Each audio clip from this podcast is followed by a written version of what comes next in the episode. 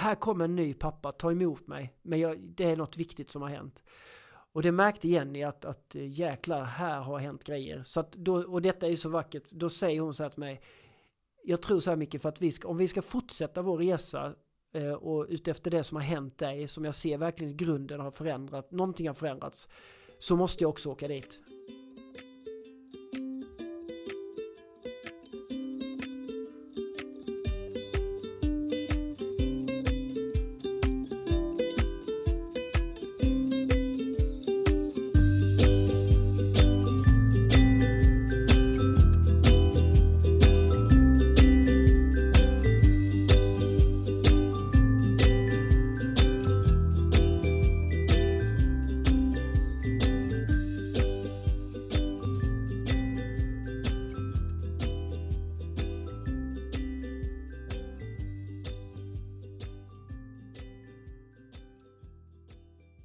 Hej allihopa och välkomna tillbaka till ett nytt avsnitt av På djupet med systrarna HSP. I dagens avsnitt så kommer ni få ta del av ett djupt och spännande samtal mellan mig och Karro och Micke Gunnarsson. Det här samtalet spelades in tidigt i våras, men vi har tyvärr inte hunnit publicera det förrän nu.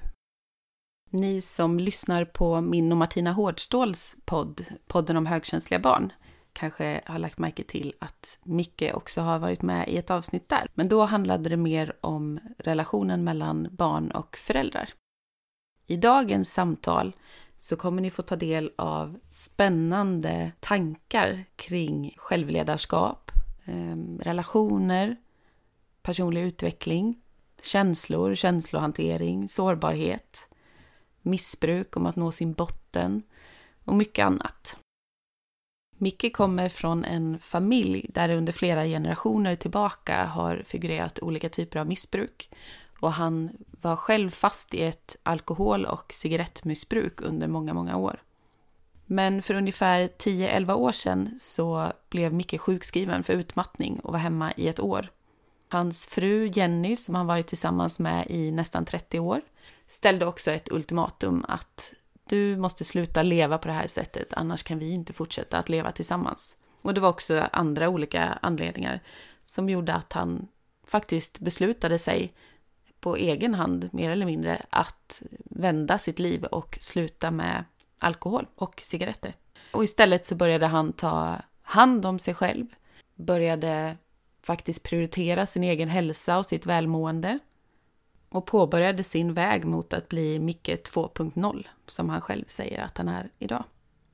Micke lever mycket utifrån tillit, kärlek och acceptans. Och han pratar också om det här med att inte fastna i ånger över vad som har varit, utan faktiskt se att det har lett fram till den han är idag och det liv han lever idag. Numera så gör han medvetna val istället för att låta livet bara pågå och passivt hänga med.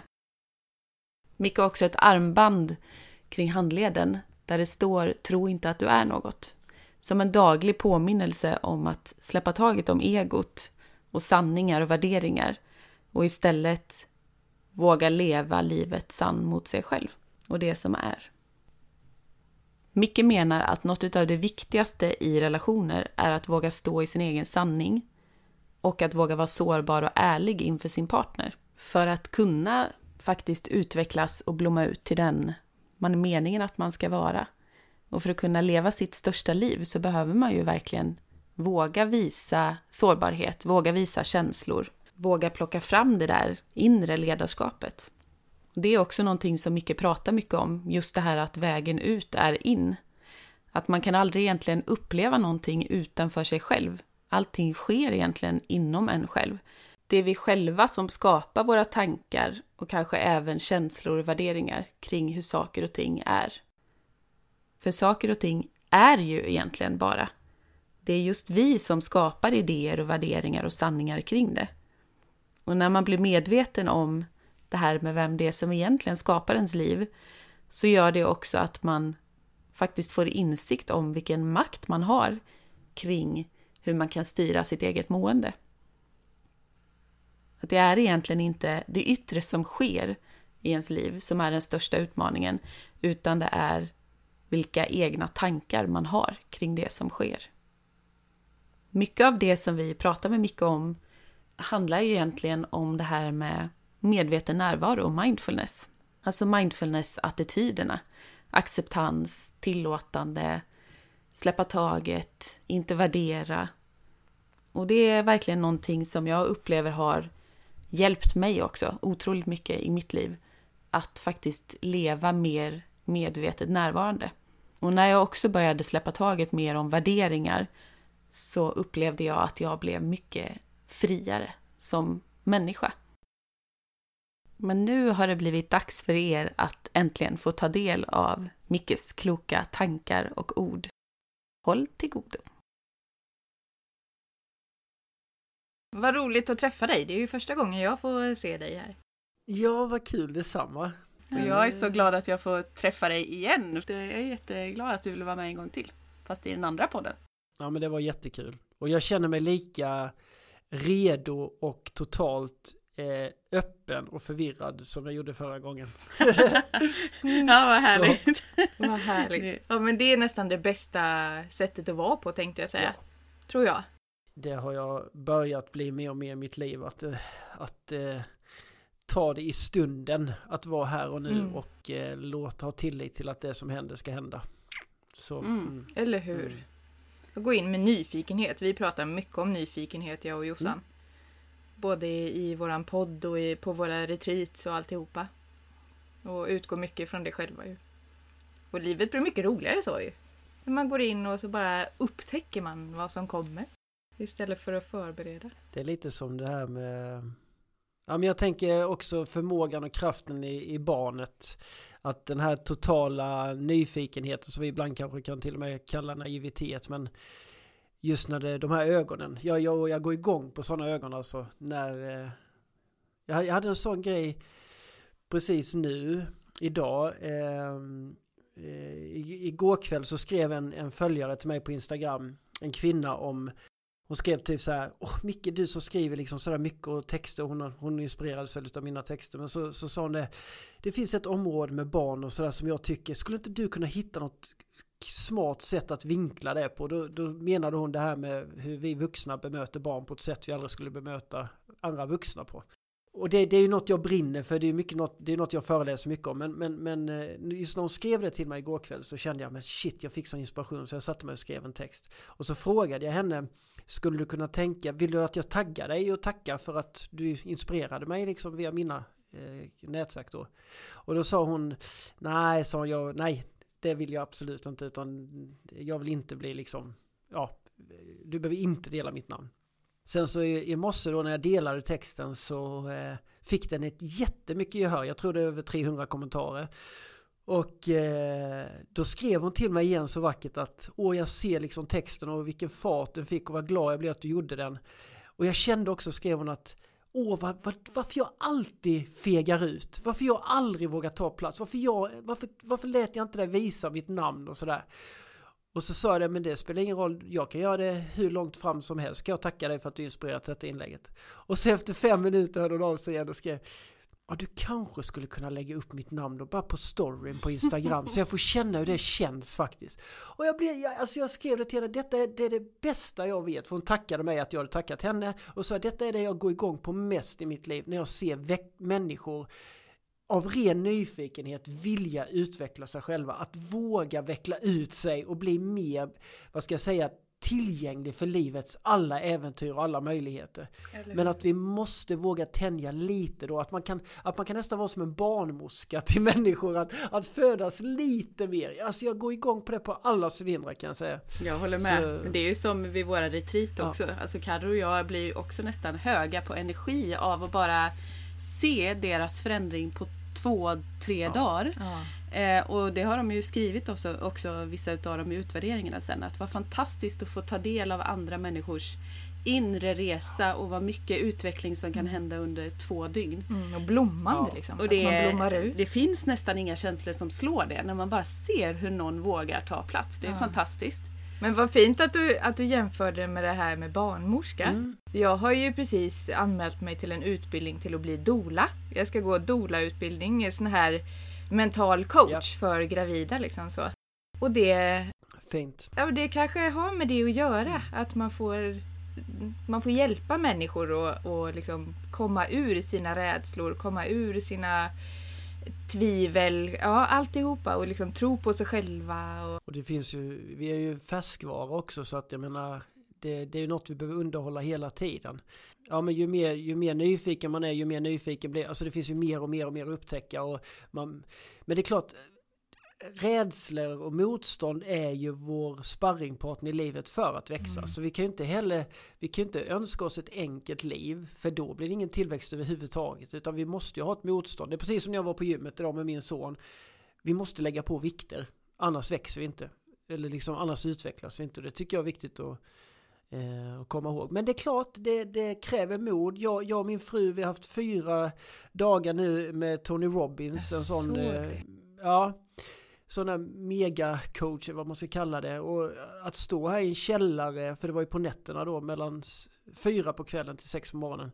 Eh, fyra dygn då. Eh, och stå här, jag och min fru i källaren och gråta, skratta, hoppa, dansa, göra jätte, jättetuffa, vad ska jag säga, incheckningar i sig själv. Och just när vi satt igår och hade lite skördefest igen och jag vi ska ha det imorgon med liksom och se vad, vad gav det oss och vad kände du och upplevde du och sådär. Jag sa fan vad glada vi är, ursäkta att jag svor, men vad glad man blir att vi kan göra detta tillsammans. Att vi hjälper varandra i vår relation att bli modigare och modigare. Det, wow, jag kan inte nog tacka, tacka oss för att vi, för att vi verkligen är varandras sparringpartner i det. Nej, för det, det kan är vara läs, det är läskigt. Det kan vara läskigt att växa. Absolut. Jag blir så... Oh, förlåt Jossan, du får prata. Jag skulle bara säga vad härligt att ni kallar det för skördefest. Mm. Vi ska Ja, ha lite det skördefest. Ja, det var bra uttryck faktiskt. Jag blir Ja. så nyfiken både på det här med To- Tony Robbins dagarna liksom, men även på det här din relation med, med din fru. För du säger att ni, ni delar ju så mycket det här eh, och vilja växa, vilja utvecklas, allt det som ni brinner för egentligen. Men var det så från början? Var ni så lika från början eller har ni blivit det med åren? För ni har varit tillsammans i över 30 år va? Ja, snart 30. 29 firar vi 29, om ett par veckor. mm. Var vi så alltid... Alltså grejen är så här att när vi... Jag tror vi hade lite olika ingångar när vi träffades på den där tryckaren på Eringsboda brunn. Eh, när det hände då. Men jag vet i alla fall, Jenny har sagt många gånger att eh, två dagar efter vi hade blivit tillsammans så kom, gick hon in till sin, kom hon hem och, till sina föräldrar och storgrät.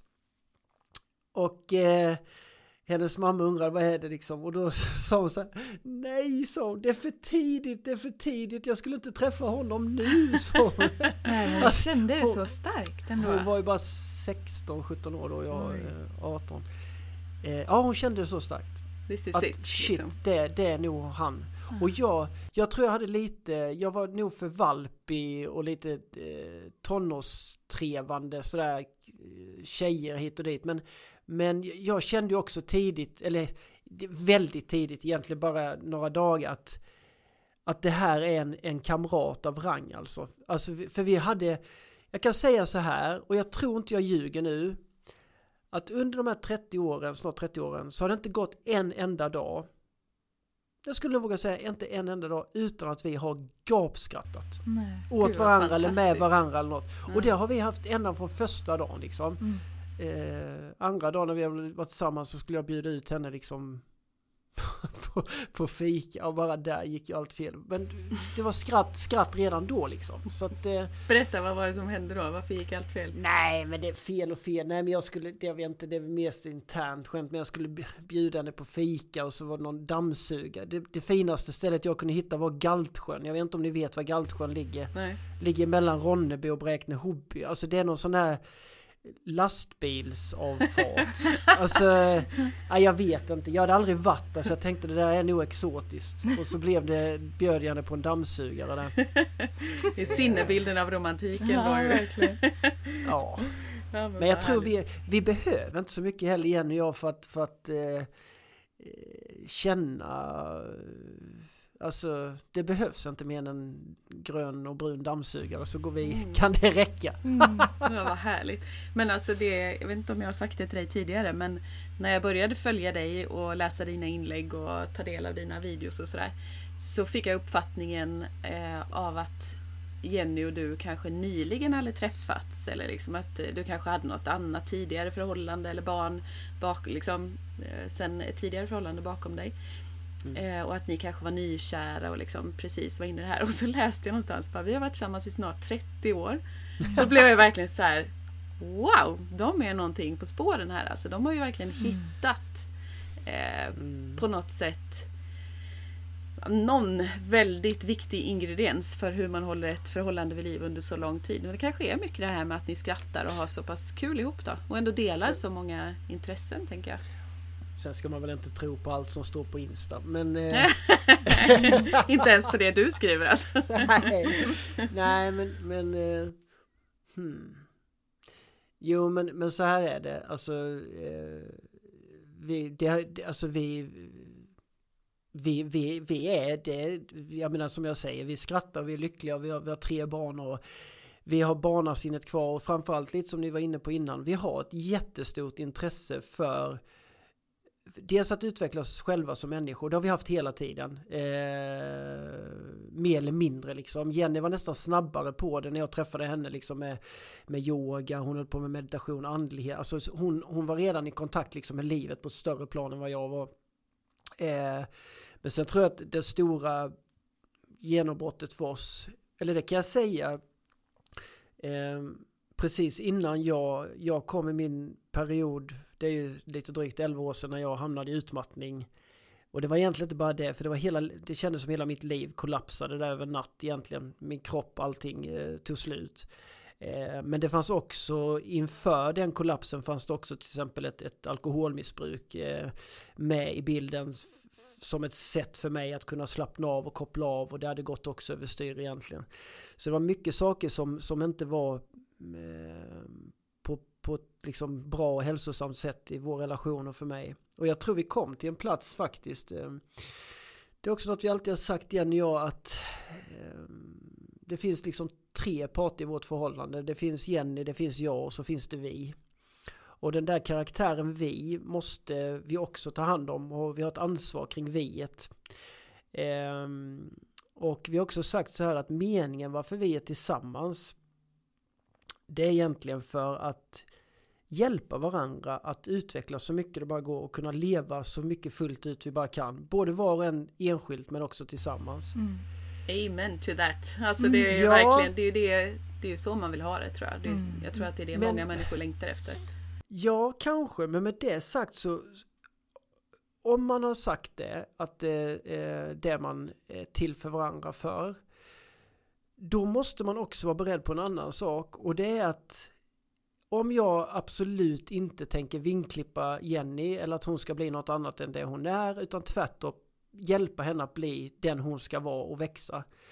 Då, då, finns det en, då utsätter vi oss också för ett ganska stort riskprojekt. För att om vi menar allvar med det så kan det också komma till en punkt där vi börjar växa åt olika håll. Som gör att du kanske inte riktigt gillade det där ni kom överens om. För att det kan också resultera i att man kanske kommer till en plats där man funderar på, ska vi överhuvudtaget vara tillsammans? Och har jag då sagt att, har vi då, är vi då överens om att det är det som måste hända? Och det, det, det har vi, vi satt ute i bilen på parkeringen här för, vad kan det vara, ett år sedan.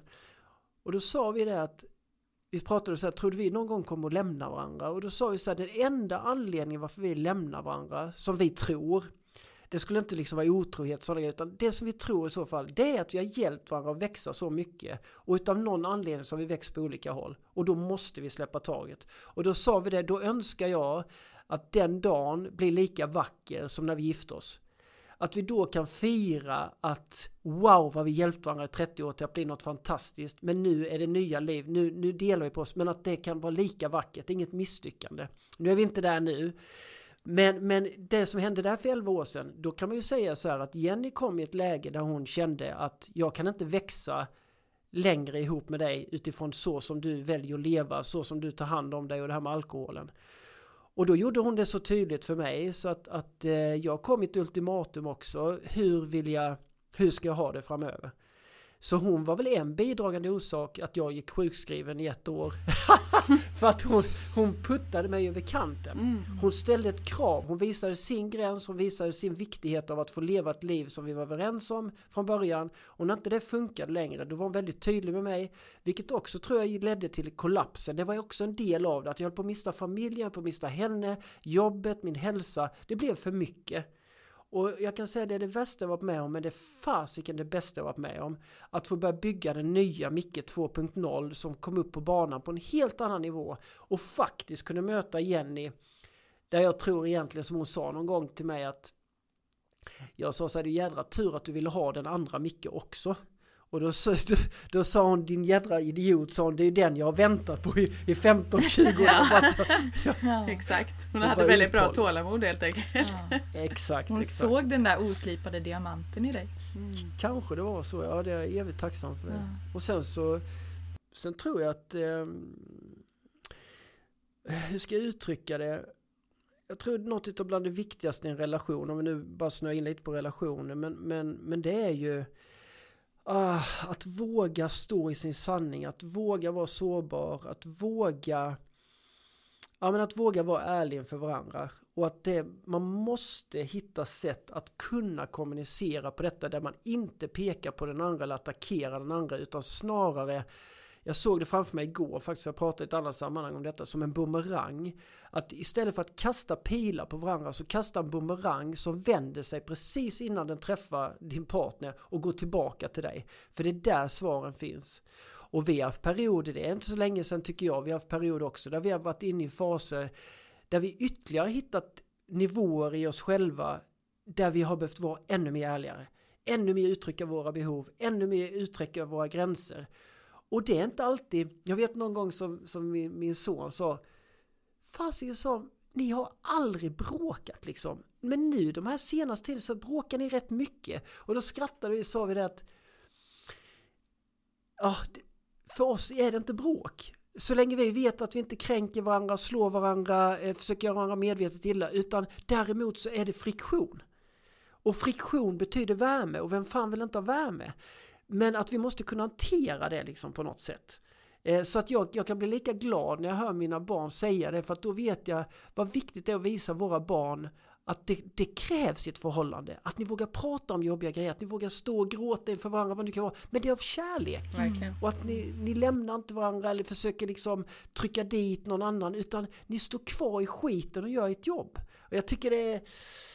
Ja, jag tror... Och, det, och som sagt var, det är fasiken inte, inte jobbigt. För det kan vara otroligt jobbigt. Och jag som man kan tycka det har varit otroligt jobbigt att våga visa min sårbarhet fullt ut och min kanske ja, mitt, mitt sätt att ha svårt att möta igen i vissa sammanhang och att, att bara våga stå i hennes smärta istället för att gå in och bli någon jävla byggare Bob som ska lösa hennes problem och fixa och trixa utan att bara vara, att bara vara närvarande. Mm. Det är något jag behövt träna på men det...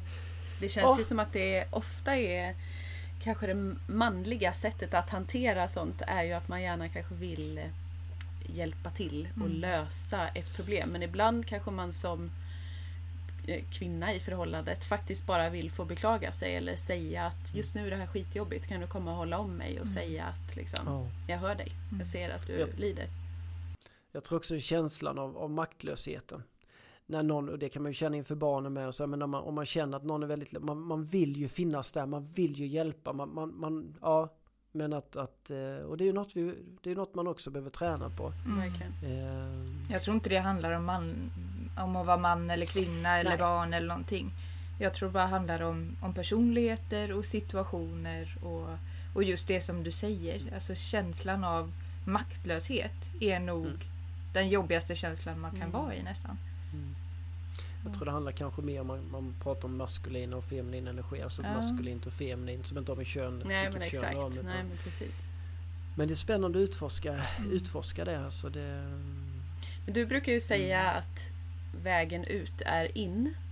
mm. Kan inte du utveckla det lite och förklara vad du menar med det? Eh, ja men det är väl lite det jag var inne på med bumerangen där då. Att eh, jag tror jag kommit till en, en plats i mitt liv där jag på djupet förstår att att ingenting någonsin kan hända utanför mig själv eller att jag kan aldrig uppleva något utanför mig själv utan allting sker inifrån mig. Eh, att det är jag som skapar, det är jag som skapar det här mötet, det är jag som som skapar, om jag träffar, ser en fågel i skogen eh, som kvittrar så är det jag som skapar den. Om vi tre skulle gå och lyssna på den där fågeln så kanske någon av oss hade blivit irriterad för att ni har hört den där förbannade fågeln och har väckt oss varenda morgon sedan liksom två år tillbaka, eller vad det nu kan vara. Men fågeln sitter helt försvarslös, den bara är. Men vi lägger idéer kring det. Så egentligen, egentligen kan jag förstå idag att det är liksom inte det yttre som vad ska jag säga, eh, är det utmanande utan det är snarare mina tankar och skapande av det yttre som är det utmanande i så fall. Och att börja komma till en plats där jag verkligen förstår detta och vill ta ansvar för det. Det, det förflyttar ju mig till en maktposition utan dess like när jag förstår att det är jag som bestämmer och skapar huruvida jag ska reagera över barnens skor innanför hallen eller oh, tallrikar som har stått i två veckor i deras rum och de inte har burit ner, eller vad det nu kan vara. Att jag skapar hälsiket. Och risken är, som det kanske har varit också för mig eh, mer innan, det är ju att vi, vad ska jag säga, vi eh, outsourcar eller nästan rea ut vårt egna välmående så sjukt billigt och enkelt till det yttre. Att ibland kan det räcka med en buss som är försenad fem minuter för att jag ska börja misshandla mig, alltså skapa ett elände i mig själv.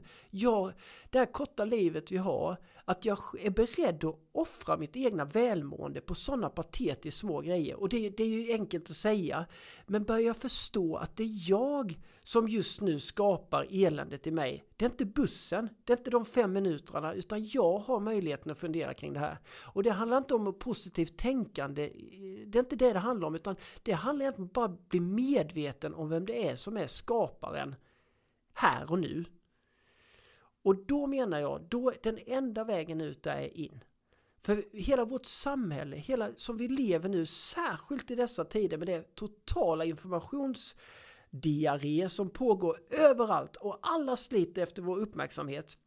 Netflix, de får till och med oss att sitta på toaletten med mobilen. Alltså det är sånt, alla skriker se mig, se mig, se mig, kom till mig, kom till mig. Så att allting präglar egentligen en ytter, att vi ska bli ännu mer styrda utifrån. Och jag tror vi går in i en tid nu och därför psykisk ohälsa ökar generellt, även framförallt bland de yngre, men generellt sjukdomar. Det är för att vi har tappat bort oss själva. Vi försöker leva i det yttre och just nu är det, sånt, är det så mycket av den varan och sånt högt tempo så vi går sönder. Därför måste vi prioritera arbetet inåt nu. Vi måste hitta den platsen i oss själva så vi inte blir så fladdriga att helt plötsligt är det algoritmerna på Insta som bestämmer vårt liv eller vi börjar, vi börjar hata människor på Insta som hela tiden visar upp sina fina hem och så tror vi att det är deras fel när det är jag som inte har en aning om vad jag håller på med på Insta. Och jag räknade ut nu för två dagar sedan att Genomsnittet idag då lägger vi ungefär 6 timmar på mobilen säger man vid skärmen. Ungefär 5-6 timmar per dag. Det innebär alltså på, ett, på fem år så har du lagt nästan ett och ett halvt år. Ungefär lite drygt ett år på skärmen. Mm, och jag säger inte att det, Ja, både och. Jag säger inte att det är fel. För, att du skulle, för mig är det inga problem om någon bestämmer sig att lägga 24 timmar vid skärmen. Bara vi vet vad vi håller på med. Bara det är medvetna val. Jag är rädd för idag att vi inte är medvetna. Helt plötsligt har det gått en timme och man frågar vad har du kollat på? Jag har ingen aning. Ja, jag tror jag var på Ikea. Nej, jag, alltså jag har nog shoppat. Alltså, vi är inte där. Och det är inte bara skärmarna, det är med barnen, med varandra. Vi är inte längre här. Och där tror jag, snälla, snälla skola, alla verksamheter vi har som jobbar framförallt med våra barn och unga. Vi måste börja jobba med verktyg för det inre arbetet. Mm, eh, och det är ju på gång. Det händer ju fasken. Man börjar träna yoga, man mediterar i skolan och så. Så någonting är ju på gång. Och det, må, det måste hända, annars kommer vi inte ut det här. Fast det går för sakta tycker jag. Och det, ja. Eh, för det, det, är alldeles för många, som, precis som du säger, det är alldeles för många barn och ungdomar som mår dåligt idag. Eh, ja. Men kunskapen behöver ju komma ut till lärarna först och främst. Alltså så att de själva, att de börjar med sig själva och sen kan ta vidare ner till barnen. ja, det är jätteklokt. Mm. Och där tycker jag att det går för långsamt. Det kan jag säga. Jag det... försöker ju. Jag jobbar ju som stresspedagog. Ja, ja. Ehm, och jobbar med mindfulness och allt möjligt. Och har fått vara ute i lite skolor men jag skulle ju önska att det var fler skolor som, som eh, var sugna på det här och förstod mm. vikten av det. Men, men jag tänker också det kommer och, och, jag tänker att den generationen som fortfarande leder mycket av skolutveckling och i våra, alltså det är ganska nytt. Det, det, det är fortfarande, och det, du vet det behöver inte, visst vi får lite tålamod men du vet när våra barn växer upp, när de blir ledarna utifrån till exempel skola så, här, så, så kommer den helt, det kommer gå mycket snabbare än vad vi tror, tror jag, förändringen. Eh, och sen tror jag inte vi kan, ibland kan jag också känna jag hade en period när jag var otroligt frustrerad kring skolarbete, skolans utveckling. Jag var ute och föreläste på alla de stora scenerna i Sverige kring, kring liksom skolutveckling. Och jag insåg någon, jag var på, jag var, jag, jag var i London och, och, hade en meditation med en man som heter Sadhguru. Jag vet inte om ni vet om det är men en, en indisk sån. Jag känner igen det. Ja, fantastisk man. Så vi satt där, vi var 5000 personer och mediterade med honom i sex timmar eller sju timmar i, i London. Och efter det så träffade jag en kvinna från eh, Holland eh, och vi satt ner och pratade om upplevelser och sådär. Så, så började jag, hon fråga vad jag höll på med. Så berättade jag liksom, och just då var jag inne mycket i skolan och liksom sådär. Så, så tittade hon så på mig och sa hon, varför är du så arg? Så. Och jag sa, fan jag väl inte arg, så jag, jag, jag är bara frustrerad, jag är engagerad, jag brinner för det här. Så här. Ja men så det finns liksom en, en frustration, en energi i det som var nyfiken på den som för det jag har hört, bara det lilla du har berättat, allt du har gjort för skolan, alla projekt, alla ungdomsprojekt, allting. Det är många människor som inte ens har kommit i närheten att göra alla Nej. de här grejerna. Så vad, är din, vad bygger din otålighet på? Och när jag, när jag flög hem sen så, så satt jag och funderade på det. Ja, hon har en poäng där.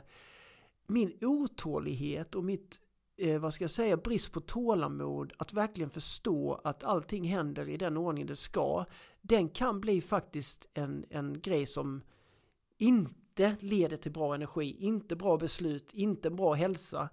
Så att jag faktiskt, eh, det var också en sån här bra wake-up call för mig att, att återigen lugna ner sig. Om du nu ska jobba med gravida till exempel mm. och de som ska föda barn. Mm. Att hur mycket de än längtar efter en månad att vilja ha barnet så kommer du säga ja nio månader ungefär, det går inte att påskynda det här utan barnet kommer när det kommer.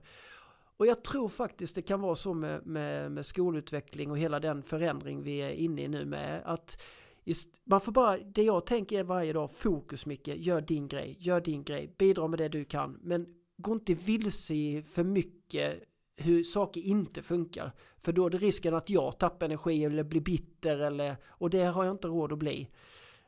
Nej men tusen tack! Istället. Ja, jag behövde nog höra det där. Faktiskt. Jo men det var jättebra. Oh. För att jag... Ja, man kan ganska lätt hamna där i den otåligheten liksom när man bara man vet hur bra man kan må av mm. de här verktygen och hur, hur viktiga de är. Så vill man ju gärna bara att det ska gå fort. Men du har helt rätt. Alltså saker händer när de ska hända. Det är väl det man får säga om någon säger så som du sa så fint att man vet ju hur bra man kan må. Mm. Då kanske man skulle svara, ja men gör det då. ja, jo men exakt. exakt. Ja. Jo men precis. Men du, kan du inte berätta lite mer om det här var det med Tony Robbins, eller vad hette han? Ja, just det. Mm. Ja. ja, Tony, Tony Robbins. Robbins ja. Det är Tony konstigt Robbins. att du inte har hört talas om honom Jossan. Han Nej, är ju superkänd. Ja. Berätta om det som du och Jenny deltog i där under några dygn. Ja, vad ska jag säga om det då? Eh, och det är så nytt nu, men, men eh, man kan väl säga så här, under fyra dagar så eh, eh var fokus på ska vi kalla det personlig utveckling då, eller inre ledarskap, så att leda sig själv, att utforska sina egna rädslor, att utforska sina egna idéer som man har som präglar en som kanske håller en tillbaka till att leva det liv man vill. Vi pratade en del om relationer, eh, hälsa, mycket hälsa också, den fysiska kroppen, hur, hur den är liksom absolut det viktigaste i våra liv. Fast vi glömmer så lätt bort det, för utan kroppen är det inte så enkelt. Mm. Men, eh, men så att det, det, var ett väldigt gediget arbete och det var liksom arbetsmaterial och så vidare. Och första natten så um, hade vi fått hemskickat en bräda. Som var mellan 1,2 cm upp till nästan 2 cm. Jag vet inte hur de valde ut det, för jag blev så avundsjuk på Jenny, för hon fick en bräda på 1,2 mm och jag fick en på nästan 2 cm. Eller 1,2 1,2 cm fick hon och jag fick nästan 2 cm. Och då så skulle vi då alltså på kvällen eller natten, det sista vi gjorde efter första kvällen då, så sex på morgonen, då skulle vi slå sönder den, slå av den med bara handen. Åh oh, herregud. Ja. ja. Eh, och då var vi alltså 45 000 pers som eh, deltog här och eh, gjorde detta då tillsammans vid ett givet ögonblick då. Och, eh, men jag kan säga att eh, jag trodde aldrig att jag skulle kunna, jag har ju varit på sådana här grejer innan, inte just med Tony Robbins men andra liknande, ja grejer i alla fall där jag jobbat med mig själv, men då har det ju varit fysiskt, då har det ju inte varit corona liksom eh, anpassat, men jag trodde aldrig att jag tillsammans med 45 000 pers via en skärm skulle känna sån otrolig närvaro och gemenskap och så sjukt mycket energi från de deltagarna som var där. Alltså. Och jag, jag förstår också så här att vi har bara sett början på vad vi kommer kunna skapa med det här digitala som vi har fått träna lite, lite på detta året nu då. Men inget kommer bli som förr. Alltså de, de som tänker att nu är det snart över med corona, nu kan vi gå tillbaka till hur det var. Sorry, sorry säger jag. Utan vi, vi går in i en ny dimension utav liv och mänsklighet och tack vare, tack mycket för coronan också. Jag säger det är inte en rolig grej men jag tror det på ett sätt är det en gåva. Om vi, snart, om vi kan välja att se det som det så kommer vi se en massa fördelar. Eh, vi, jag hade aldrig kunnat vara med på sånt här event om, inte, om, det inte hade kunnat, om det inte hade skett digitalt. Och de hade aldrig haft en tanke om att göra detta, att samla 45 000 pers över hela världen, 159 olika länder, om inte coronan hade kommit. Eh, så att, så att eh, Nej, så att det var, det var helt, helt fan, fantastiskt. Så att, eh, och jag, Jenny, jag sa det igår också att shit, den blir bara bättre och bättre utbildningen nu efter den slutade. För att det börjar sjunka in och man börjar förstå. Det här kan faktiskt, vissa delar av det här kan nog förändra mycket. Både i vårt företagande men också i vår relation och i oss själva. Mm. Um, så det var, och sen är det, det var jättemycket dans, jättemycket rörelse.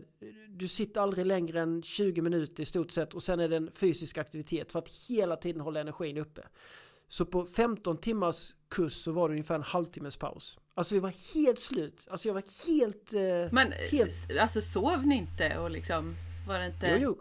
Ja. Klockan sex så sov vi på morgonen då. Sen så började vi igen vid mellan tre och fyra. Hej, så, så ni vände på dygnet då liksom för att ja, hänga med ja. i deras tidszon? Mm. Ja. Mm. ja. Hur gick det då? Vande sig kroppen snabbt liksom eller var ni jättetrötta? Eh, jag hade lättare för den Jenny. Mm. Eh, kan jag säga. Eh, det var någon natt där hon kände att eh, nu måste jag ta en powernap liksom på en halvtimme eller sådär. Så att då, eh, men, eh, för det krävs ju ändå ganska mycket fokus också för att hänga med i, även om det var rörelse och så också. Mm. Men just ja. man vill ju gärna verkligen ta in det som mm. sägs ja. och inte missa massa grejer för att man är för trött. Det var ju på engelska också.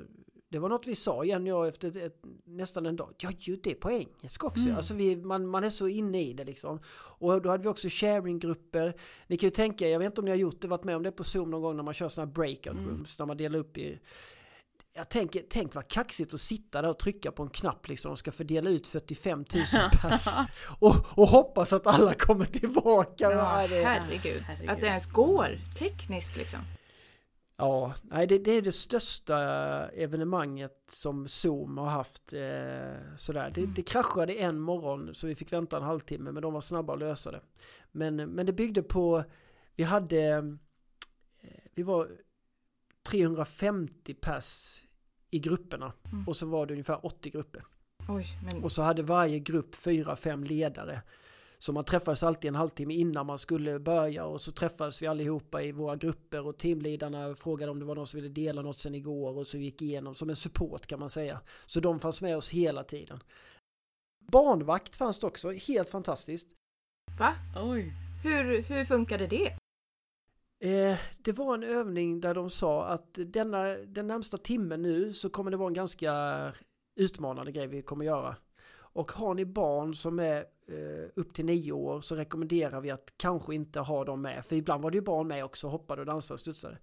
Eh, utan att, eh, men ni får välja själva. Men vi säger ändå, för det är ganska mycket jobb med er själva, så ni kanske ja, väcker känslor och så som kan vara tufft. Sådär. Så att har ni barn under nio år så rekommenderar Och då sa hon så här, men har ni då en extra dator, padda eller mobil eller någonting så sätt dem i ett rum med den och så kommer vi ha lekledare som kommer göra massa roliga aktiviteter och bus med dem i en timme så att vi wow. fångar dem. Vilken ja, det är grej. häftigt. Ja. ja, gud vad häftigt. Men du, jag måste bara, för jag är så fascinerad av Tony Robbins. Mm. Eh, vad tror du det är som gör att han blir så magnetisk, eller vad man nu ska säga? Att man drar sig till honom. Energi. Mm. Allt handlar om energi. Allt handlar om hans, eh, det handlar inte om vad han säger utan det är hans energi. Och det märkte man, det var ju flera föreläsare som vi fick lov att träffa som var jätteduktiga. Men Tony var Tony. Mm. Alltså det, det är en sån kraft och sån power energi. Det gick, man blåstes av liksom väggen här även när det var i skärmen. Och det, det är väl också så. Alltså ju mindre skit du har i vägen ju mer kommer livets, alltså om du bara tänker dig den energin som håller igång vår planet i universum och att det bara funkar som det gör. Vi är ju en del av den energin. Vi har ju tillgång till all den energin. Om vi kommer utifrån vårt egna ego och våra rädslor och hinder så kommer vi åt krafter som vi inte ens trodde var möjliga. Och jag kan känna det, mitt liv de senaste åren, jag trodde inte det var möjligt. Alltså jag trodde inte det var möjligt att ha så mycket energi som jag har, som jag själv kan känna liksom. Att, att, och det är, det, det är väl mer att Alltså vi har alla tillgången till den. Det, jag, ibland när jag har jobbat med ungdomar så kan ungdomar uttrycka det att, att de önskar att de också haft energi. Eller det är precis som de tror att de inte har den dockningen i, i, liksom, i livsådran. Utan att de, det har hänt grejer i deras liv eller de har haft otur vad det kan vara som gör att de inte har samma förutsättningar. Men jag, jag ger mig inte utan un, vår livsenergi är universell men däremot behöver vi titta då. Det är som en vattenslang. Alla har vi tillgång till vatten i vattenslangen. Men ibland kommer det små knutar och lite kurvor och skit som vi behöver titta på liksom.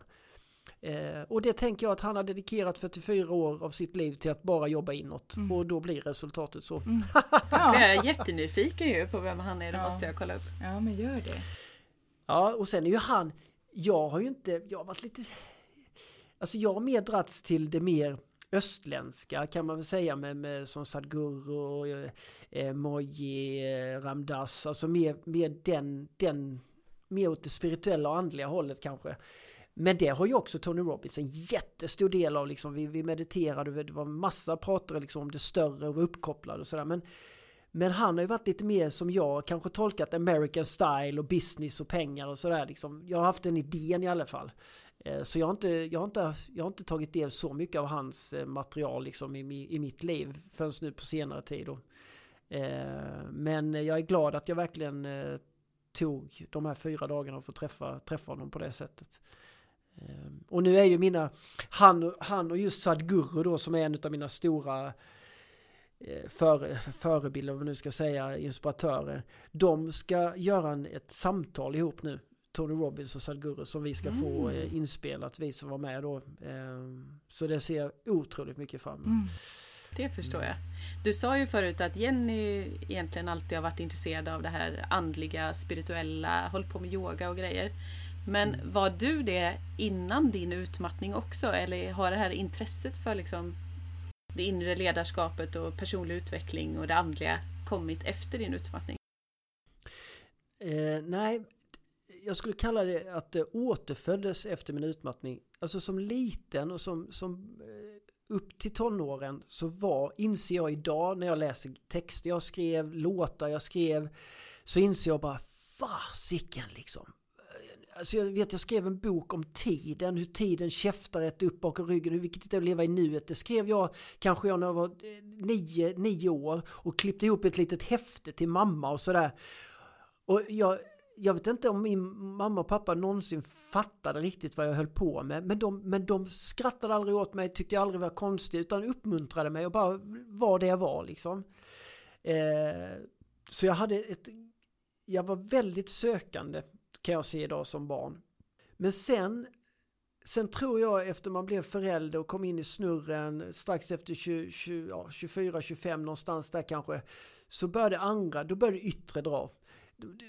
karriären och man skulle pengar och man skulle skapa familj och man skulle renovera hus och plötsligt var man inne i en snurr som drog igång och, och då kom man längre, jag kom längre och längre bort ifrån från den källan om man säger så. Jag behövde ut på ett sånt där äventyr, göra, ta en liten omväg och se hur är det här igen, hur kan det vara där. Men efter utmattningen så det som hjälpte mig eh, inåt igen det var nog egentligen den rösten att, att eh, ja, livet kallar liksom. Inte, du ska inte tjäna ditt ego längre, du ska inte tjäna dig själv, du ska tjäna livet. Där är din arbetsplats. Du är fast anställd på Livet AB och nu ska du fan göra din grej liksom. Det. Vad innebär det då? Vad innebär det för dig? Att tjäna livet? Sug på den du! jag vet inte vad som händer när du säger det för att jag har aldrig fått en sån fråga innan. Jag har nog aldrig uttryckt det eller på det sättet. Men jag blir väldigt, på något sätt så blir jag ju rörd känner jag. Eh, och när du ställer frågan vad innebär det att jobba för Livet AB?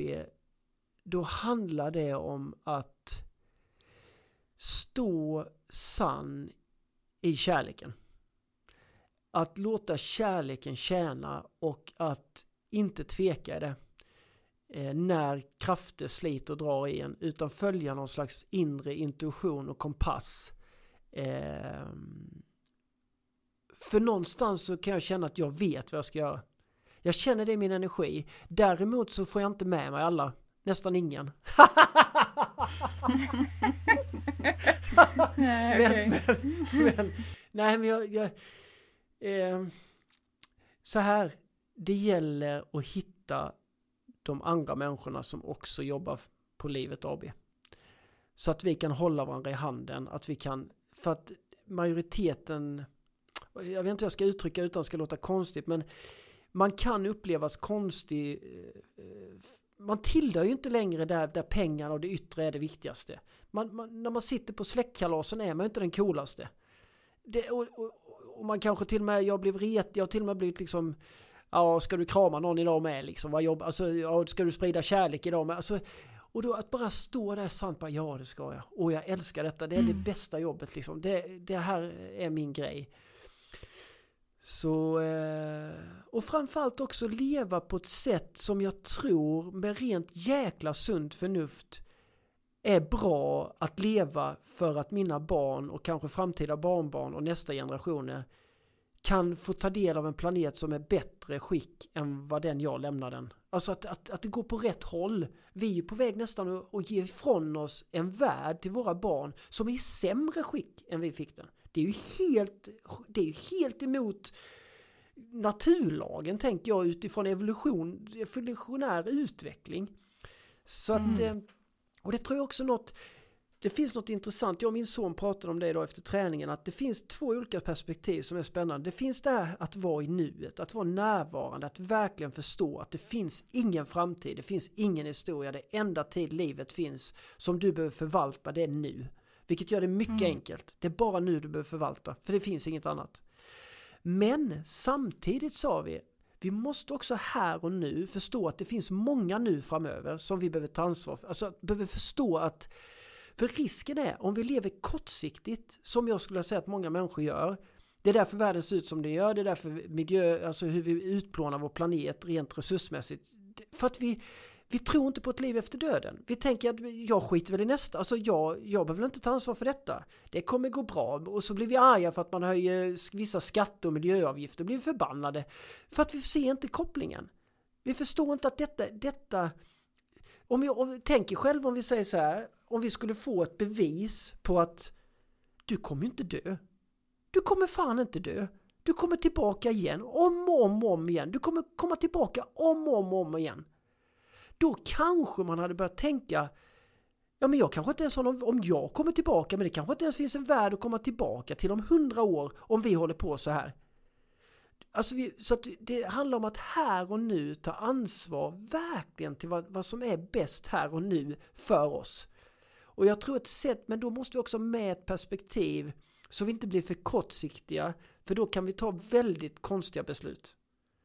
Är ni med på den? Är ni med på tanken? Mm. Absolut, men jag tror ju dock att är man, alltså är man högkänslig som bland annat vi och många andra eh, så kan man nästan Alltså det kan väcka ganska mycket ångest just när man tänker så här, oh vi måste ta hand om våran planet annars kommer den gå under. Eh, och det kan nästan vara att man, man tar ett för stort ansvar, att det ansvaret nästan äter upp en istället. Så att det gäller ju att hitta en balans där också. Men är det inte... Hmm.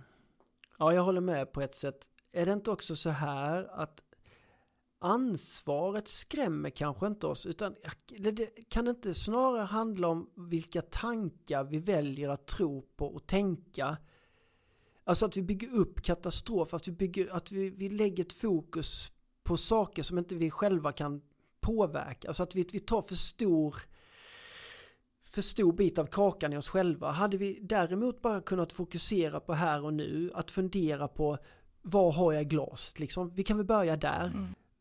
Vad, vad gör jag? Alltså att krympa tidsfönstret där. Ehm, men, men ändå förstå, man kan säga så här, att förstå kraften i det jag gör här och nu på längre sikt. Att, att, att, att jag ger min kropp denna vätskan istället för renat är jädra bra investering. för mig här och nu. Men på, på många generationer framåt kan det vara en jättebra investering. Mm. Men jag tror, alltså jag, det du säger och det jag kan sammanfatta av det du säger, så handlar det egentligen om att reflektera för att göra medvetna val. Mm. Eh, och sen också kanske gå tillbaka, ja, tänka med sunt förnuft såklart. Och det här långsiktiga framåt, vad ger det för konsekvenser? Men också gå tillbaka till barnet. Barnet i en. Eh, av det du har sagt tidigare under, mm. under avsnittet här nu. Och just det här plocka tillbaka till här och nu, till nyfikenheten. Eh, till kanske det, det, det mindre, mm. det finare, det närmare. Ja. På något sätt. Har jag uppfattat dig rätt då? Absolut. Och det, när du säger det närmre så menar, då, då tar jag igen dit till den här närvaron här och nu. Att mm. det nu när jag, det liksom jag kan, som nu när jag varit och tränat med Max, min äldsta son då han är 24 på gymmet. Att jag verkligen kan uppleva, jag ser hans hand i, alltså jag kan, jag kan det, det, är den vackraste meditation man kan göra, även om man bara gör den i 5-10 sekunder. Men att verkligen vara där. Alltså det, mm. och det, då behövs det inte mycket för man ska gå igång, så kan jag säga. då kan, då, mm. Det var likadant i morse när min yngste son spelade upp ehm, ett, ett klipp på YouTube med, med den här låten Du måste finnas, du måste den här. Ja. Mm. Och jag vet inte vad som hände. Jag bara, bara tårarna, bara, jag bara började storgråta. Och, och jag, jag, han sa, vad är det som händer i dig nu? Jag bara, ingen aning, men det är något som berör mig. Och, och, och just att det behövs så lite. Och det handlar inte om det klippet utan det handlar om vilket tillstånd jag har försatt mig i. Och det är klart att jag, jag har otroligt hårda rutiner, disciplinära rutiner varje dag som är liksom inte förhandlingsbara. Om det nu mm. inte är någon kris. Men jag går upp liksom en timme tidigare än alla andra i familjen. Då gör jag min morgonmeditation, jag gör en litet yoga, kortare yogapass.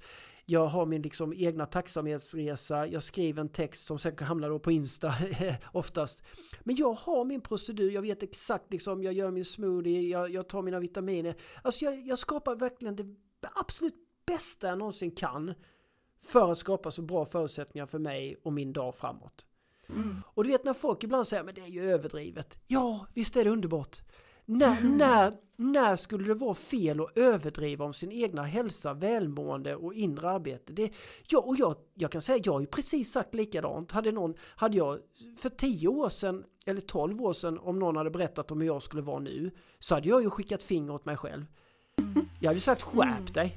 Du, du skaffade ett liv, hade jag nog sagt. Och jag hade sagt, man måste ju för fan få undan sig något. Man kan ju inte bli och idag inser jag att, att det jag menade med unna sig på den tiden, 80% av det var ju inte ens bra för mig. Nej. Det var inte ens, så att jag, jag var inte hemma, hemma alls. Um... Vill du berätta lite mer om det, det här?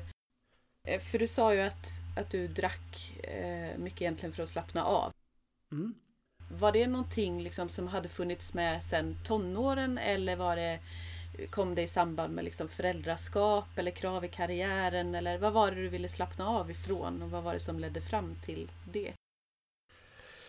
Eh, alltså slappna, ja, jo men alltså så här. dels är jag uppväxt i ett hem där det har funnits olika former av missbruk. Så jag var, jag var ganska tränad, alltså jag, jag har sett det liksom. Och det kan man i och för sig tycka var väldigt speciellt. Eh, när jag som, det är rätt kul så här liksom, hur kan, det, hur kan det bli så att man som barn, till exempel, bara ta en sån grej att båda mina föräldrar rökte. Och jag, har, jag grät över att de rökte. Jag, jag grät att de skulle dö snabbare än, än andra föräldrar som inte rökte. Och jag gjorde spe, specialarbete i skolan om rökning och läste upp för mamma. Kolla lungorna, kolla och så här. Och sen i, i, i lovet, sommarlovet mellan 8 och 9 började jag röka. Och sen rökte jag nästan en ask om dagen i 17 år. Hur fan är det möjligt liksom? Och det kan man ju fundera kring alkohol och missbruk också i och med att det ligger liksom i vår släkt och sådana här saker. Men, men jag började ganska tidigt att festa. Och jag tyckte det var så kul. Alltså jag var en festprisse ut, utav rang. Alltså jag var aldrig otrevlig, aldrig, skulle aldrig slå någon eller sådär. Men jag, jag blev väldigt kul med alkohol. Tyckte jag då. Och jag var alltid bjuden på fester och sådär. Så att det blev liksom en norm för mig att man drack. Skulle man ut så drack man. Problemet med mig var ju att det fanns inget stopp. Det, det fanns aldrig något, alltså antingen gick jag ut hårt och däckade vid tio på kvällen. Eller höll jag på till fyra på morgonen av någon anledning. Men, men eh, det var aldrig så att, vad ska man säga, all inclusive var ingen bra grej för mig. Är ni med? För att det, mm. då, då, då, då trillade jag ihop. Mm. Lite det här gränslösa. Ja, ja, ja. Om det inte fanns stopp så fortsatte du liksom. Och fick jag inte dricka på en fest eller ett kalas, till exempel om Jenny sa liksom någon gång att hon kanske ville ta ett glas vin eller så, då satt jag och tjurade från början och undrade när vi ska hem. Eh, så var det faktiskt. Eh, och sen så, sen kan man väl säga så här i takt med, med småbarnstiden, eh, vilket man då skulle kunna tänka sig att då skulle man ju verkligen lagt av med drickat. Men jag tror så att det, allt snurrade på och karriären och farten, hastigheten så att jag tror, som jag ser det i alla fall, så blev alkoholen till slut också ett beroende utav att kunna koppla loss mig själv från mig själv. Mm. mm. Faktiskt. Så att eh, jag började liksom dricka i, en, i ensamhet, vilket jag aldrig hade gjort innan, utan det var fester. Men till slut så ville jag alltid, eh, jag, jag, jag, drack liksom i stort sett varje helg. Och var jag iväg på, på ute på turnéer eller föreläst och så, så, så, så drack jag alltid liksom. Eh, men där, jag kunde hålla det, men jag kan ju se idag liksom att även om det var 3,5 så öl så, så var jag tvungen att ha dem liksom. Blev det någon trygghet också eller någon typ snuttefilt liksom? Så? Eh, ja, säkert, säkert. Det blev ett, ett beteende. Det, det, alltså det blev ju ett, det blev ju ett missbruk. Alltså jag, jag, jag var ju tvungen att ha det liksom. Det blev kemiskt kanske ja, i kroppen det helt med enkelt. kanske, det med kanske. Sa Jenny någon gång under den här perioden liksom, eller sa ett, satte ett ultimatum eller sa att nu räcker det? Det här funkar inte. Nej men det var det som hände egentligen precis inom en utmattning att vi kom så långt att, att eh, ja, det hörde hon, ihop där hon, orkar, ja, hon mm. orkade inte mer. Och jag var också, jag, jag gjorde jag hamnade, jag gjorde också ett par grejer i, i min onykterhet som jag hade svårt att eh, ja, som också, vad ska jag säga, eh, som också började komma närmare och närmare att nu får det nog vara punkt, sätta punkt för det. Och det, det som är speciellt i den här resan för efter utmattningen och det så, eller när det rasat ihop där, så började ju egentligen ganska snabbt ett intensivt arbete med en inåtresa. Det tog ett tag innan jag fick den hjälp jag behövde som funkade, men när jag väl hittade så eh, då, då, då öppnades livet upp för mig på ett sånt, jag blev nästan liksom drabbad. Man har läst ibland i sådana här tidningar så att man nästan blev upplöst, så vet man bara en ny, så nästan kunde jag känna. Och då kom jag Eh, till en, även en natt eh, så vaknade jag upp nästa dag med ett jättegrundat beslut att jag ska aldrig mer dricka. Jag ska inte säga aldrig för det, jag gillar inte det ordet men då förstod jag att nu har alkoholen nu kommer inte alkoholen finnas med i mitt liv längre. Ja. Nu har det gjort sitt. Ja, faktiskt. Och, mm. och, som jag brukar säga att jag jag behövde aldrig sluta utan jag kom till en plats där jag inte kunde fortsätta för att andra grejer blev så mycket mer värdefulla för mig. Så även rökningen, tänk en ask om dagen i 17 år och bara så. Och inget, inget, mm. ingenting. Alkohol är med, ingenting. Vilken beslutsamhet ändå. Du ja, besitter att bara nu, från och med nu tänker jag inte fortsätta det här. Nej, det, jag vet inte var den kraften kom ifrån men det är väl kanske livet AB. Men, men, men jag tror att, jag tror, det snackade vi också bara för någon dag sedan Jenny och, och en annan kompis att jag måste nog säga det och det kanske låter kaxigt men jag har, just idag har jag otroligt svårt att svika mig själv. Eh, jag tror inte någon av oss som sitter här gillar att svika andra människor. Eh, att inte dyka upp som vi har lovat. Eller om vi nu skulle sitta med inspelning så kommer inte jag. Det är inte kul. Och jag har nog faktiskt kommit, eh, jag, jag börjar bli mer och mer bättre på det att absolut i första hand inte svika mig själv. Utan bestämmer jag mig för något, då, då gör vi det. Då, då får det vara det som gäller. Mm. Eh, så att, eh, ja. Jag är lite nyfiken på, när, för du säger att eh, det tog ett tag innan jag fick den hjälpen jag behövde. Mm. Men sen fick du det. Vad var det för hjälp? Eh, ja, rent konkret så var det en verksamhet som heter Bara Vara som ligger i Dalarna i Siljan. Eh, ja, jag hade ju testat att gå till olika psykologer och terapeuter och sådär. Och, hur ska jag förklara? Jag, jag, nu säger jag att det kan vara bra för många men för mig det blev ett brain battle. Det blev ett intellektuellt spel oss emellan. Och sen några näsdukar i mitten som jag inte visste vad jag skulle använda till för det hände ingenting i mig. Nej men det är ju det. Mm. Videoklippet med New Kid i morse med den låten. Det var bättre terapi. Alltså jag mm. inte åt det för jag tyckte att vi satt bara och battlade intellektuellt. Jag behövde kroppen. Det, var, det kom inte ner i känslorna. Nej, liksom. jag behövde Nej. in i kroppen. Mm. Och då var det ju en kompis till mig som hade sagt flera gånger att, att det här stället fanns. Men när jag läste på deras eh, beskrivning tyckte jag bara låt, lät flummigt. Och, ja. Men så kom jag till en punkt eh, där jag kände, jag var nästan på väg faktiskt, eller jag ska inte säga att jag var på väg, men jag, jag, jag, jag vet jag ställde frågan, en och meningen så att jag lever längre liksom. Och mm. där någonstans så eh, då kände jag så här, då spelar det egentligen ingen roll vad jag gör. Då kan jag lika väl sticka till det jävla stället för det, det spelar liksom ingen roll. Så jag tog och åkte upp där och det är ju ett sånt här tyst eh, retreat. Eh, så att när du inte jobbar med dig själv så är det i tystnad i fem dagar. Och det var nytt för mig, det hör ni så som jag pratar men eh, Där hände grejer med mig. Eh, där lämnade jag mitt huvud och kom in i min kropp. In i all den smärta, aggression, allting jag hade tryckt ner så länge som jag inte ens var medveten om. Jag kunde aldrig i min livligaste fantasi tro att det fanns så mycket aggression i mig. Mm. Så redan efter första kvällen vet jag fick de plåstra om mig för att jag hade slagit sönder mina händer totalt alltså. Men det var inte fel att slå där. Det var inte, utan tvärtom, det var barnmorska av rang som hjälpte mig. Bara, bara ut med det. Jag behövde inte känna skam, behövde inte känna skuld, utan jag var i så trygga händer. Mm. Så att när jag hade varit där första gången, ja det kan jag ju säga också, när jag hade varit där första gången kom hem då, jag hade ingen röst kvar, ingenting.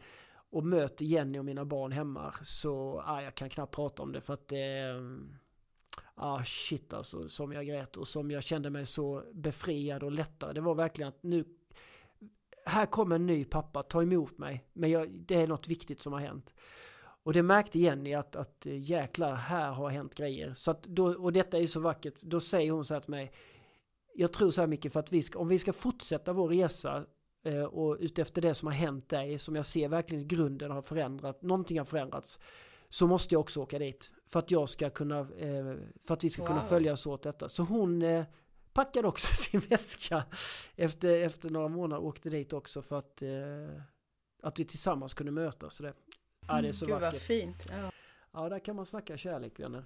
Vad fick hon för upplevelse av det? Kunde hon förstå. Eh, delar av det du hade gått igenom eller kom hon hem och kände att nej, det här förstod jag ingenting av? Liksom. Nej, men hon, hon, sen åkte inte hon dit därför som ett experiment för att förstå mig bättre. Hon, hon märkte också att detta kan vara en fantastisk grej för mig att få uppleva. Eh, jag tror vi hade lite olika erfarenheter av det, men visst, eh, visst drabbade det, det henne med. Eh, plus att vi hade, bo, vi, hade båda två, vi hade båda två under den perioden, eller ja, det, det, var, det var bra allt som hände därför att eh, vissa saker liksom runt omkring oss och privat runt omkring oss i, var vi med om ganska svåra grejer och olika trauman runt omkring. Så att ja, det, det, var, det var smart att gå in på den resan att jobba med oss själva liksom. Eh, och sen har jag varit där fyra, fyra eller fem gånger till men eh, det, det eh, ja, nej, det, det hjälpte mig in i kropp. Och det, det vill jag säga i den här podden känner jag nu. Att och jag hoppas detta kan tas rätt. Men jag vill bara... Alltså... Den människor, ni som behöver hjälp och ta hjälp utifrån, kanske i form av någon terapeut eller vad det nu kan vara. Och så märker man att det inte funkar. Sluta inte och sök nästa hjälp då. Tro inte, ja men psykolog kan man inte gå, eller terapeut kan man inte gå på retreats, kan man, utan sök vidare. Sök vidare. För att ge inte upp eller börja spekulera att alla är på ett visst sätt utan förbanne mig ta, hitta nästa grej liksom, sök vidare. För att det jag kan säga som jag idag kan fundera kring det är att jag var kanske hos tre, en, två, tre stycken innan där vi satt lite så här traditionellt och ja men så, ett samtal.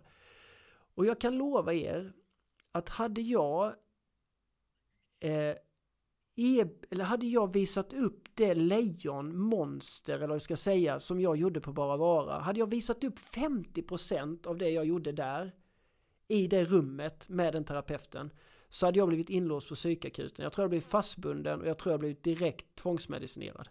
För man hade inte hanterat det. Nu kanske jag tar, nu kanske jag tar i lite men jag, det är i alla fall min upplevelse. Mm. Och jag har träffat unga människor jag ja herregud, jag blir så, jag blir fasken vad rörd jag blir när jag tänker på detta. Jag har träffat unga människor, särskilt vet jag en tjej.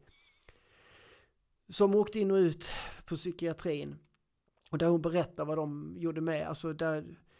Och jag tänkte, helsike. Det är ju ett, ett litet lejon precis som jag. Mm. Var finns vården? Var finns de platser de, där vi kan få förlösa våra inre lejon? Jag, när jag blir utmattad, det första de erbjöd mig var medicin, antidepressiva, utan att ens ha träffat mig. Det är mm. för, det är för jävligt. Det, det är så att, att, att jag säger inte att antidepressiva mediciner är alltid till nackdel, men vi måste bara förstå att det, tar inte, det läker inte oss. Det, tar växer, det gör oss groggy. Det gör Dämpar oss symptomen. Exakt, det bedövar oss. Men vi är inte här för att leva bedövad liv. Mm. Och om vi ska kunna förlösa så måste vi ha modiga barnmorskor verksamheter där man återigen inifrån och ut. Eh, men det är därför också jag tror jag verkligen vill säga det. Att känner du att den här hjälpen inte funkar så lägg inte energi och tyck massa saker om det då utan ta det till nästa steg. Det mm. finns hjälp, det finns det. Jag, jag är helt övertygad. Jag lyssnade nyligen på Jon Henrik Fjällgrens eh, självbiografi. Mm. Eh, där han berättade om massa olika tuffa saker han hade varit igenom i livet. Och jag tror att han sa också att han hade varit på Bara Vara men innan dess hade han också varit hos någon eh, eh psykolog. Eh, där han till och med hade fått liksom reaktionen att du har för mycket. Jag kan inte hjälpa dig, jag kan inte jobba med det här. Mm. Och också få höra det. Jag har för mycket inom mig så jag kan inte ens få hjälp. Alltså, mm.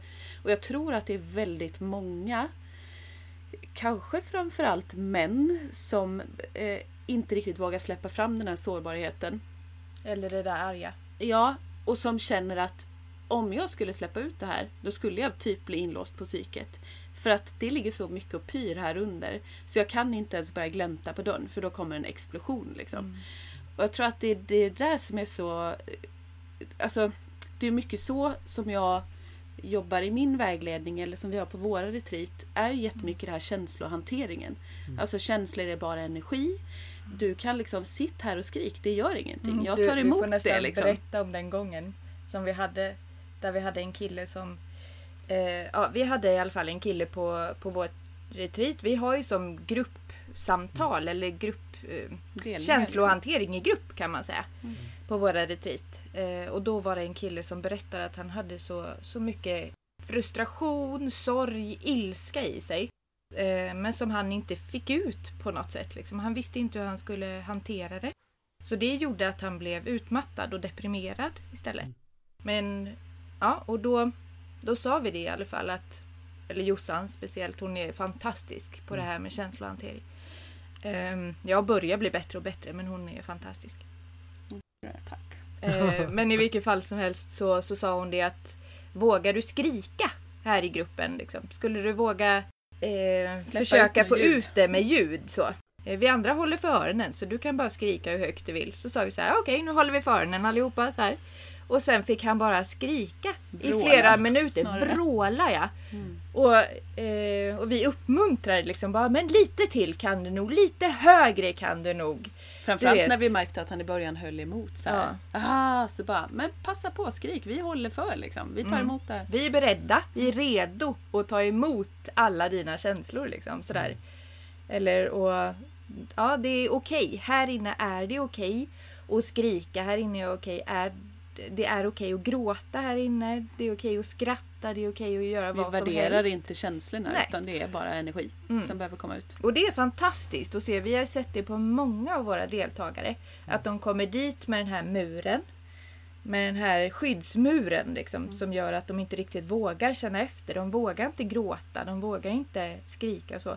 Och sen går de, eller får de hjälp med att göra det. Och så riktigt ser man hur de går från retreatet två dagar senare eller tre dagar senare. Med flera kilo lättare på axlarna. De har slängt bort så mycket stenar, så mycket berg på axlarna. Och sen också Så att de ger eh, varandra så mycket i det här. För att det är klart att det blir ju en, en liksom pirrande energi i ett rum. När det sitter liksom flera personer där och någon bara vrålar.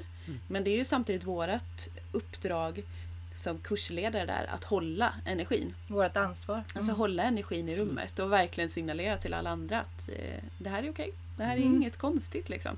Så att det, det, man märkte ju också på de andra deltagarna att det också hade gett dem jättemycket. Mm. Att de också så här, wow, aha, okej. Men har du sett en dokumentär som heter The Work? Ja, det Byron Kate? Det, nej, det är inte den. Nej, utan det är eh, en det är en dokumentär om intagna på ett fängelse i USA. Eh, där det är män som får hjälp med känslohantering. Just det. Och de har gjort alla möjliga brott och sitter inne liksom, under ganska lång tid. Och de har så jäkla mycket uppdämd ilska och sorg och Du har frustration. sett den. Alltså den är Jag stark. grät kan jag säga. Ja, Eh, vi med. ja. Tyvärr är den svår att få tag på. Den Mm. har legat ute på SVT Play förut. Men har man möjlighet att se den så se den. För att den Mm. Otroligt gripande. Mm. Just vad det faktiskt kan göra. Innerst där inne finns det bara en liten kille liksom. Som Mm. kanske faktiskt har hållit tillbaka alla de här känslorna.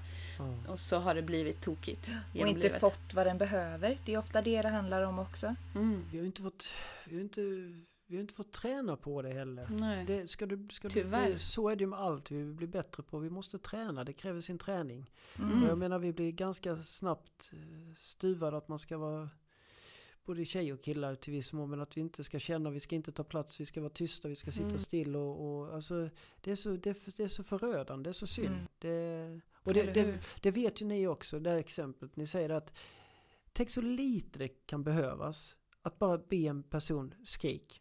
Mm. Och så vet ju ni också vad som händer efter. Alltså det, förlö, det kan ju förlösa, alltså bara genom att få, få bara få, Ja, ha. helt otroligt. Oftast ligger det ju gråt bakom skriket. Ja, Så först skriker man och sen kommer den förlösande Sen kommer gråten. det. Ja. Sen kommer tröttheten och sen Ja. kommer lättnaden. Mm. Ja, På ja, något sätt. Det är sån fyrstegsraket. eh, Ja. Och så Ja. ligger man där i en stor svett och tårpöl och bara Mm. känner sig så fri och lätt Mm. och Sen kommer tacksamheten och, och ja, bara, ja, ah, nej, det är halleluja moment. Ja, Men- det det. Det som, jag, det som jag kan tycka ibland som är svårigheten eh, det är ju att ibland har man ju sett att man försöker ja, men göra dokumentär eller filmatisera det här, ett sånt här slags arbete eller så. Och det blir ju aldrig bra. Alltså det, det är, vissa grejer måste man uppleva. Eh, för att annars är det också risk att, att det blir så i den här ytterstyrda världen av, eh, ja, jag vet inte vad jag ska kalla men, men det, vi, många av oss är inte mottagliga för det utan vi kan snarare bli rädda och tänka vad fan stå och skrika, hur? vad är detta för jädra patetiskt, väx upp eller, eller till och med inom, inom viss läke, läke, vad ska jag säga, inom Inom vården också kan man faktiskt raljera kan jag tycka ibland också till viss del när det så fort det kommer till något alternativt och sådär. Det, Mm, ja, visst. Det, är så, det är så synd, men jag tror att det vi kan göra är väl att, att vi som vi som har erfarenhet av, av olika slags hjälp eller som känner att, att, vi, att vi försöker vara så, att vi försöker vara öppna och berätta om det. Att det, det Mm. finns något viktigt i detta.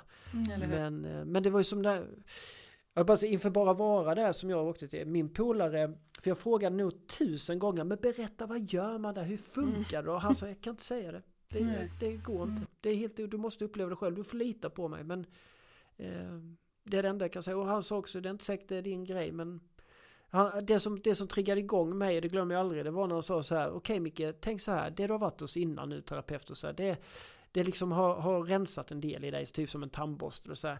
Men det du åker dit där och gör, det är en toalettborste genom hela jävla, hela skiten. Mm. Det är det du gör. Ja. Och då Det låter jag, ju rätt brutalt. Men Ja. alltså, det är ju ändå en... Mm, Det krävs ju mod. Ja. Ja, eller, eller att du har kommit till en plats där du känner Ingen återvändo Nej, du, Mm. vad ska jag göra när det inte finns något? Då kan jag lika väl. Så var det nog lite för mig faktiskt. Mm.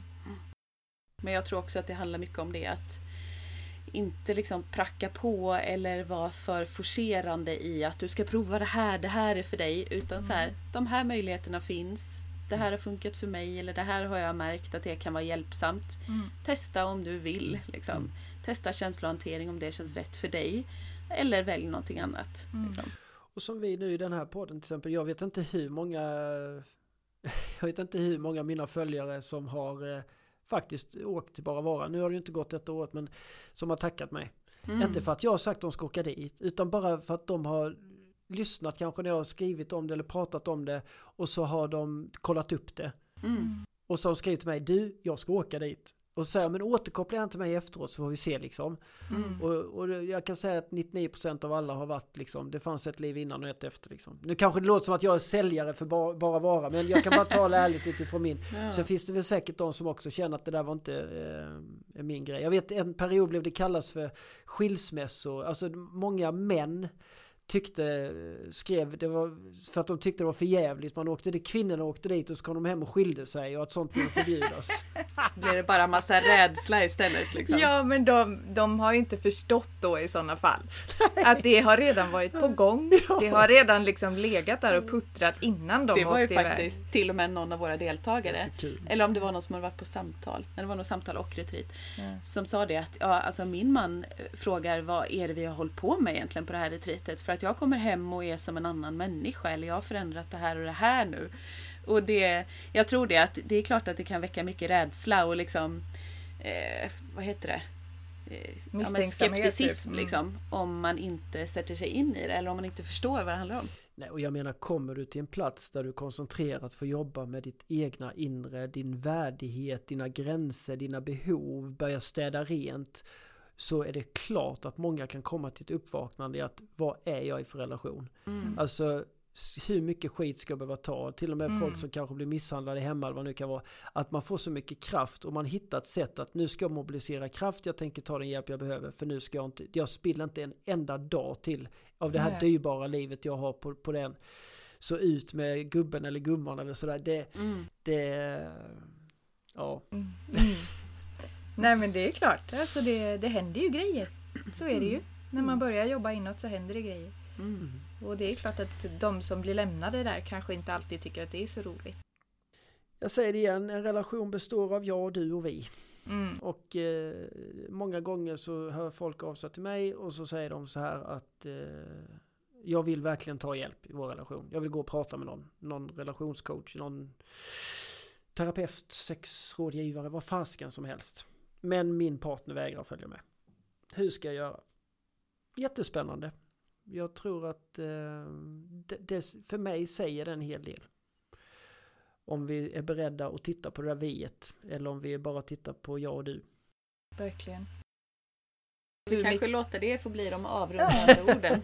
Ja men jag tänker också det. Ja, vad hade ni tänkt om att vi skulle prata om annars? Precis.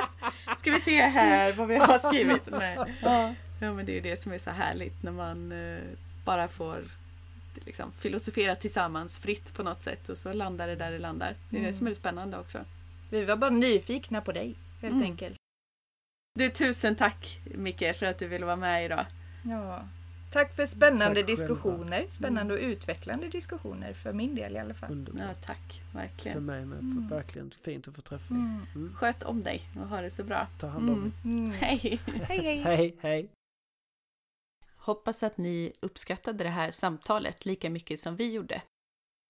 Vill ni veta mer om Micke så kan ni följa honom på Instagram där han heter Micke Gunnarsson.